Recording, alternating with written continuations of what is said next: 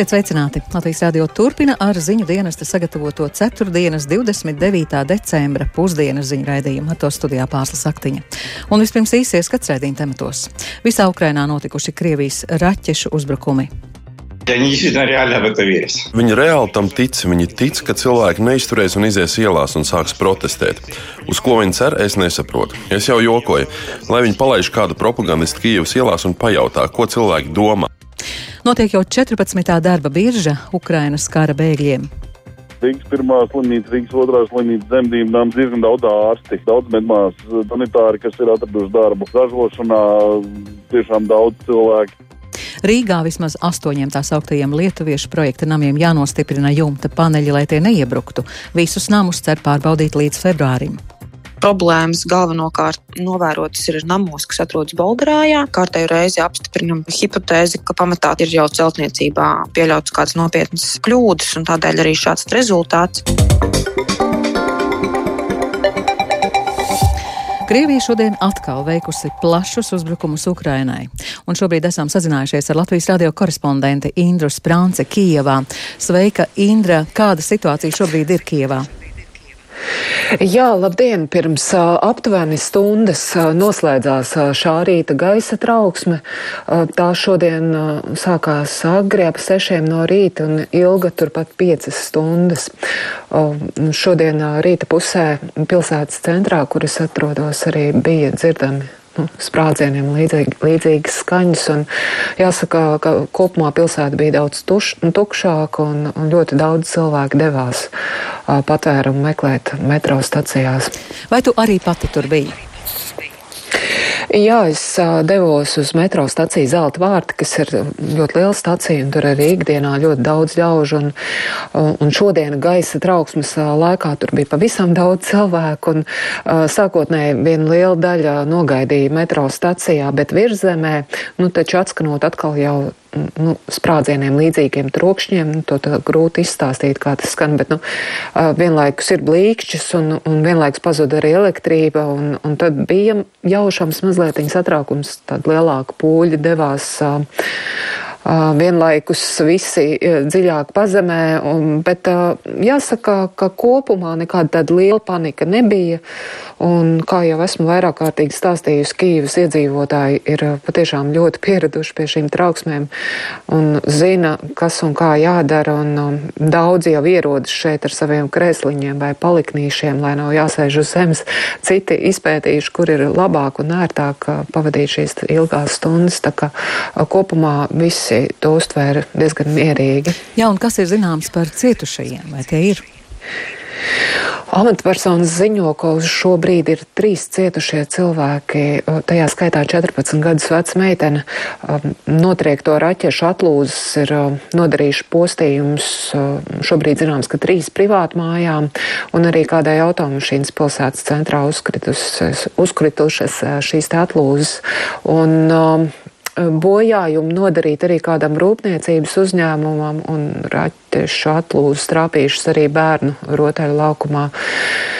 Kopumā galvaspilsētas virzienā šob, šorīt raidītas 16 raķetes, un viņas visas ir notriektas. Tā ka tās, kas krita lejā un nodarīja bojājumus, tās jau bija atlūzas.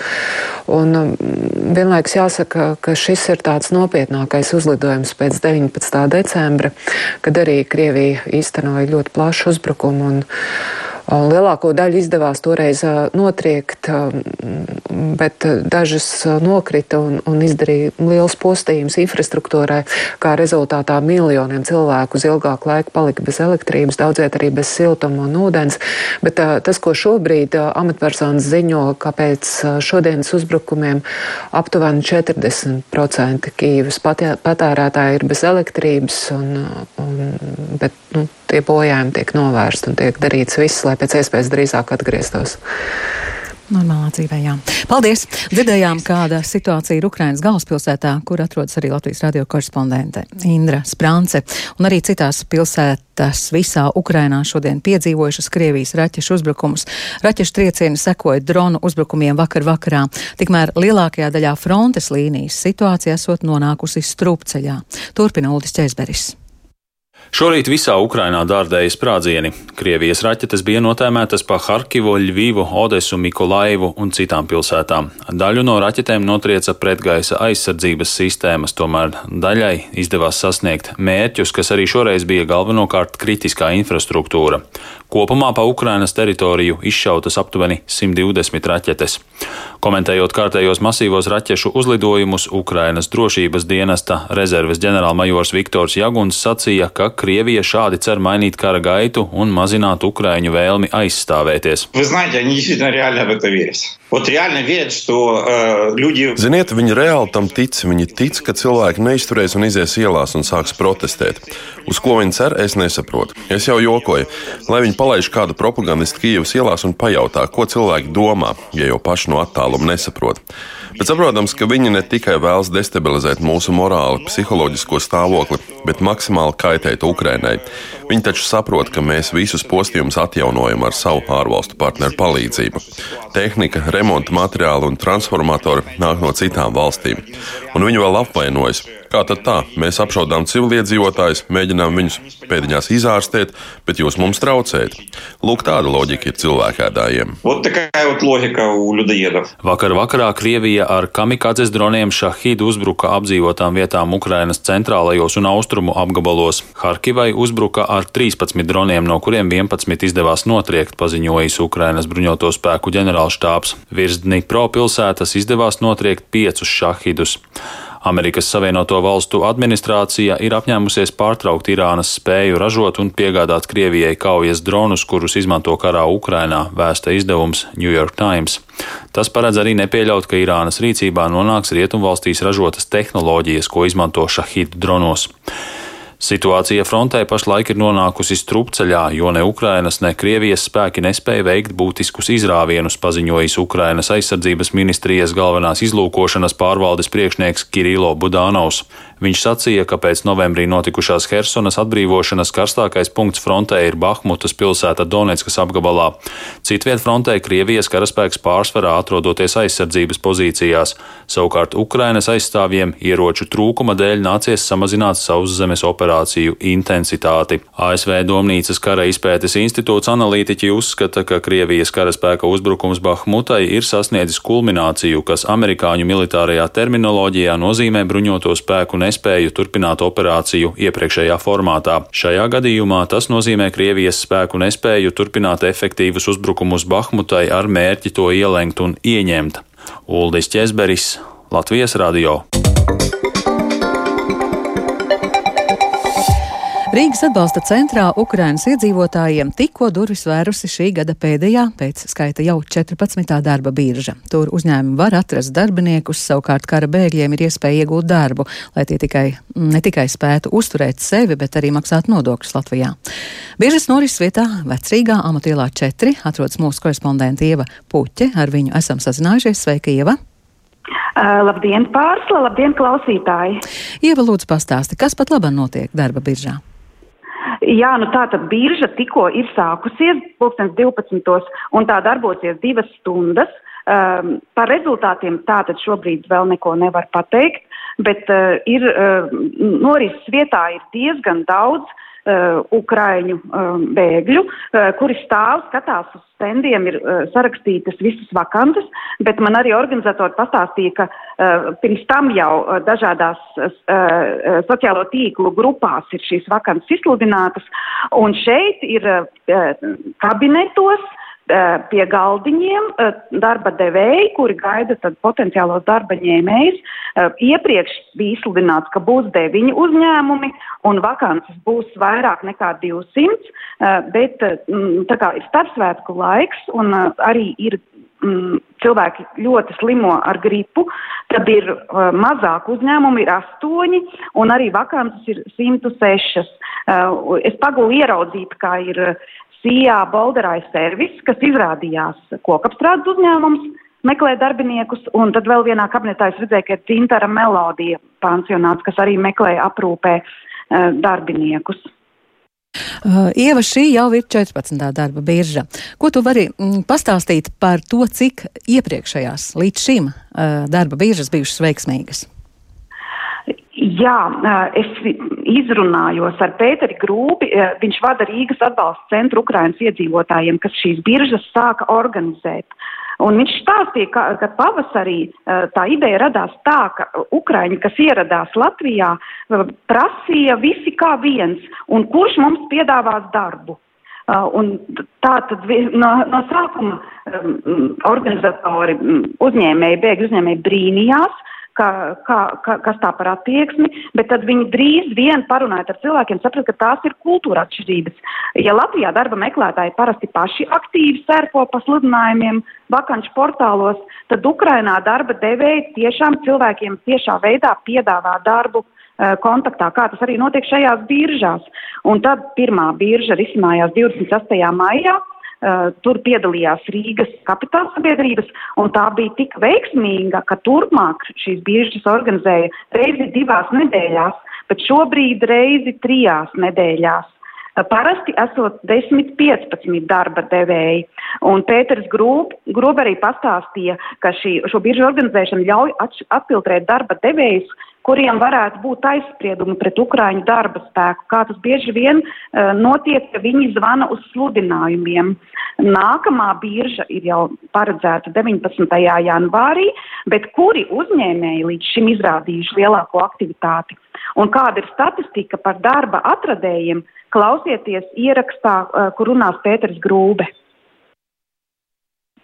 Rīgas pirmā slimnīca, Rīgas otrā slimnīca, dzemdību nams, diezgan daudz ārsti, daudz medmās, sanitāri, kas ir atraduši darbu. Ražošanā tiešām daudz cilvēku. Lielākie darba devēji ir Rīmī Maksima, McDonald's. Pa šīm 14 darba biržām mēs esam piedāvājuši apmēram 3000 vakants. 700 cilvēki stabili caur mūsu darba biržām strādā.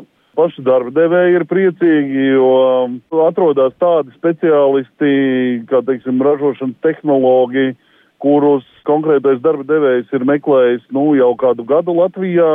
Vienu vakanci, tad, tad, tad vienā darba biržā viņam bija trīs kandidāti uzreiz uz šo vienu vakanci. Tā Pēters Grūbe, kurš vada Rīgas atbalsta centru Ukraiņas iedzīvotājiem. Un paldies Ievai Puķei par ieskatu nu jau 14. darba biržā Ukraiņiem, kas nu pat vērusi durvis.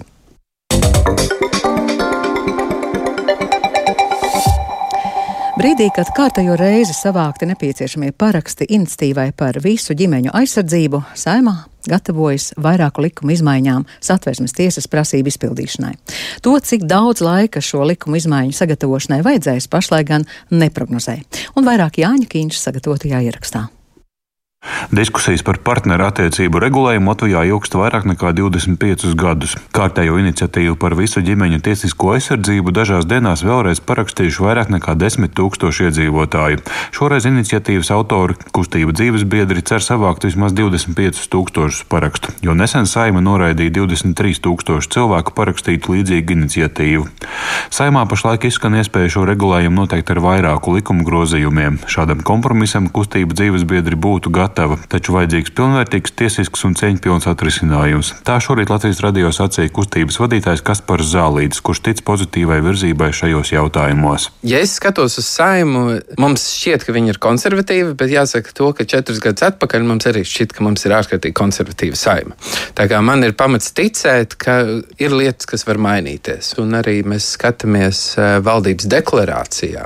Ja agrāk šie jautājumi ir tikuši tikai apskatīti partiju programmās, tagad arī dzen, valdības deklarācijā nu tā, starp rindiņām ir pateikts, ka šis regulējums būtu vajadzīgs un satversmes tiesas spriedumi divi būtu jāpilda. Regulējums par visu pāru, tajā skaitā vienzimumu savienību tiesisko aizsardzību, būs jāizteno ar vairāku likumu izmaiņām. Tieslietu ministra Ines Lībiņa-Egner no jaunās vienotības rakstiskā saziņā ar Latvijas radio norādīja, ka tā būs jārīkojas, jo saima no iepriekšējā sasaukuma nepārņēma izskatīšanai civilās savienības likumu. Tādējādi neizpildot satversmes tiesas lēmumu, ka Latvijā vajadzīgs regulējums arī nelaulātiem pāriem. Lībiņa-Egner ir uzdevusi ministrijā apzināt, kuru likumu izmaiņas spētu nodrošināt civilo savienību juridisko aizsardzību virzību. Likuma grozījuma ātru virzību ministra nesola, jo tā būs atkarīga no lēmumiem saimā, taču Lībiņegnera uzstās uz šo un citu tiesas spriedumu izpildi. Uz procesa pārmērīgu nesadrumstalotību saimā cer jaunās vienotības frakcijas vadītājs Ainārs Latkovskis. Mūsu frakcijas skatījumā panākt satversmes tiesas lēmumu iedzīvinošana likumos nav racionāli mainot ļoti daudz likumus labāk, protams, tas būtu, ja tas būtu koncentrēts vienā no maksimums divos, trijos likumos izmaiņas, bet ja partneri uzskata, ka tas ir vienīgais veids, kā viņa saimnes deputāti var atbalstīt satversmes tiesas lēmumu iedzīvināšanu dzīvē, tad, protams, mēs iesim to ceļu. Bet te svarīgi ir kādā veidā gan tieslietu ministrija, gan juridiskā komisija saimā strādās ar šiem jautājumiem un, protams, arī koalīcijas kopējā nostāja. Vērtējot aizvien neizpildīto uzdevumu par regulējumu visiem pāriem, kas nav laulāti, arī koalīcijā ietilpstošās apvienotās saraksta frakcijas deputāte, Saimas cilvēktiesību un sabiedrisko lietu komisijas vadītāja Ieva Brante norāda uz frakcijas nostāju, ka satversmes tiesas spriedumi ir jāizpilda. Frakcijā ir kopīgs vienots viedoklis par to, ka šāds modelis meklējot um, kopsaucēju vairākos likumos ir vislabāk un visefektīvāk. Tāpēc arī attiecīgs balsojums bija pret civil savienības likumu, jo šie risinājumi noteikti būs vairākos likumos iekļauti. Mēs cienam un noteikti arī izpildīsim satversmes tiesas spriedumā norādītos kritērijus, kas ir jāizpilda, jo satversmes tiesas spriedums, protams, ir saistošs visiem, ikvienam. Līdz šim ar tiesas lēmumu Latvijā atzīta 31 vienzimuma personu ģimene, bet vēl ap 20 pāru sākuši vai plāno sākt šo juridisko procedūru. Līdz šim tā ir ilgusi no četriem mēnešiem līdz vairākiem gadiem. Ar plānotajām likuma izmaiņām šo smagnējo praksi varētu novērst. Jānis Kincis, Latvijas Radio. Vismaz astoņiem tā sauktajiem lietuviešu projekta namiem jānostiprina jumta paneļi, lai tie neiebruktu. To pārbaudē secinājis Rīgas nama pārvaldnieks. 464. sērijas namus pārbaudīja pēc tam, kad tieši pirms mēneša vienā no ēkām iegruva jumta panelis. Par pārbaudē secināto un ēku drošību kopumā Kristapa Feldmaņa ierakstā. Šī gada 29. novembrī Bolderājās Turmaņu ielā 3 5 stāvu daudz dzīvokļu 464. sērijas ēkai, kas pazīstama arī ar nosaukumu Lietuviešu projekts, no jumta atdalījās betona plāksne un iekrita bēniņos, radot plaisas arī 5. stāva griestos. Pēc šī negadījuma atbildīgās iestādes solīja visas 464. sērijas ēkas pārbaudīs un vajadzības gadījumā problēmas preventīvi risinās. Rīgas nama pārvaldnieka pārstāve Una Grēnevica stāsta, šobrīd pārbaudītas vien daļa no visām ēkām, taču jau šobrīd ir izdarāmi atsevišķi secinājumi. Tas secinājums ir tāds, ka tās problēmas galvenokārt novērotas ir namos, kas atrodas Bolderājā. Līdz ar to mēs tikai kārtēju reizi apstiprinam to hipotēzi, ka pamatā ir jau celtniecībā pieļauts kādas nopietnas kļūdas, un tādēļ arī šāds rezultāts. Kopumā tie ir kādi šobrīd ap astoņiem objektiem, kur ir jāveic šie pastiprināšanas darbi, kas tiks arī īstenoti. Šobrīd secināms, ka ēkas, kurām konstatētas problēmas celtas 1900. 1978. gadā to darījusi viena celtniecības vienība, izmantojot vienus materiālus. Kā skaidro Una Grenevica, 464. sērijas namiem izdala trīs dažādu veidu jumtus, un minētie jumta paneļu riski konstatēti tikai ēkām ar viena veida jumta risinājumu.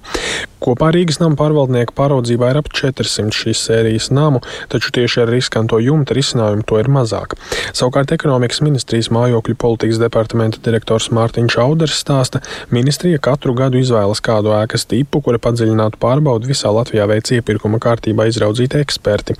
Piemēram, šogad tiek pārbaudītas 602. sērijas mājas, taču savulaik pārbaudu veikt arī jau minētajām 464. sērijas mājām un secināts, jumta paneļi patiesi ir riska zonā. Kopumā ēkas atbilst prasībām, tādas atbrukšanas draudi nav konstatēti, bet ir, protams, virkni defektu. Un viens no šiem defektiem ir atsevišķās mājās jumta paneļi. Viņam bieži vien baltīm garums ir mazāks par 5 centimetriem, vai tur ir arī konstatēts plājas. Ir arī dots tipveida risinājumi, lai šo defektu novērstu. Ar visu veikto pārbaužu materiāliem iespējams iepazīties mājaslapā bis.gov.lv.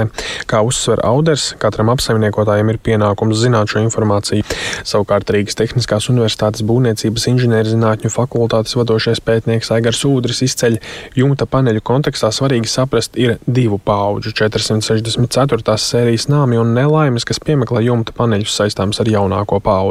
Taču jebkurā gadījumā nevarot strikti pateikt, kuram ēku tipam ir raksturīgas konkrētas problēmas. Tādēļ svarīgi ievērot noteikumus un divreiz gadā veikt profilaktisku apsakošanu, bet reizi desmit gados kārtīgu tehnisku apsakošanu. Protams, ir tādi problemātiski momenti katrai no tām sērijām, bet tas nenozīmē, ka ja mēs tieši šīs vietas apskatīsim, tad noteikti viss ir kārtībā vai otrādi. Īstenībā jebkurā situācijā jāskatās ir kompleks. Līdz ar to es negribētu nosaukt, ka, lūk, ja jūs apskatīsiet un ar to jumtu viss kārtībā, kārtībā. Ka līdz ar to tad, nu, mēs varam mierīgi dzīvot. Aigars Ūdris gan ir bažīgs par to, vai Latvijā maz ir gana pietiekami kvalificētu speciālistu, kas spētu veikt kvalitatīvas pārbaudas un preventīvi novērst riskus. Tikmēr Rīgas nama pārvaldnieks visu sarakstā esošo 464. sērijas nama apsekošanu cer pabeigt nākamā gada februārī. Kristaps Feldmanis, Latvijas radio. Neraugoties uz energoresursu cenu kāpumu un citām šī brīža grūtībām, Liepājas biznesa centrs turpina attīstīties. Tas izveidots bijušā gaļas kombināta vietā, regulāri tiek paplašināta tā darbība un telpas ražotnēm, un tieši energoresursu cenu kāpums un nestabilā situācija pasaulē ir izaicinājums nomniekiem, kas darbojas Liepājas biznesa centra teritorijā, vairāk Inga Sozols ierakstā.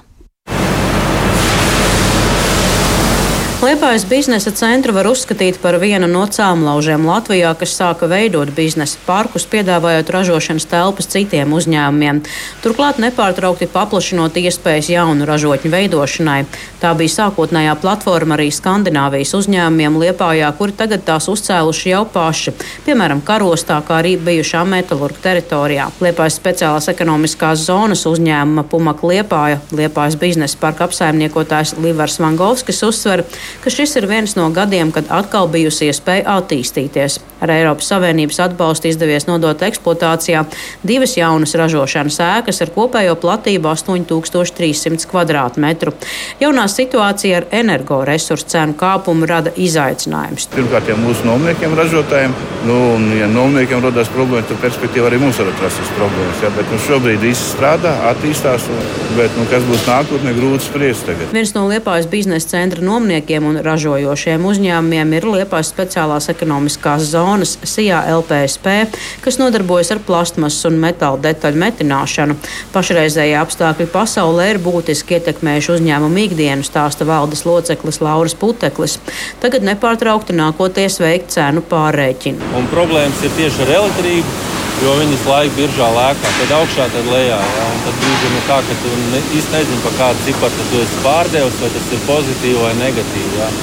Un nofiksēt neviens neko nevar tagad. Tagad arī klusums no valdības puses, bet astoņas nedēļas jau atkal kāpj augšā. No 140 eiro par megawatu stundu nu jau ir pie 360. Uzņēmums nepārtraukti veic monitoringu, jo tam ir liela nozīme ražošanā, kur ražošanas procesā tiek izmantotas lāzeru griešanas iekārtas.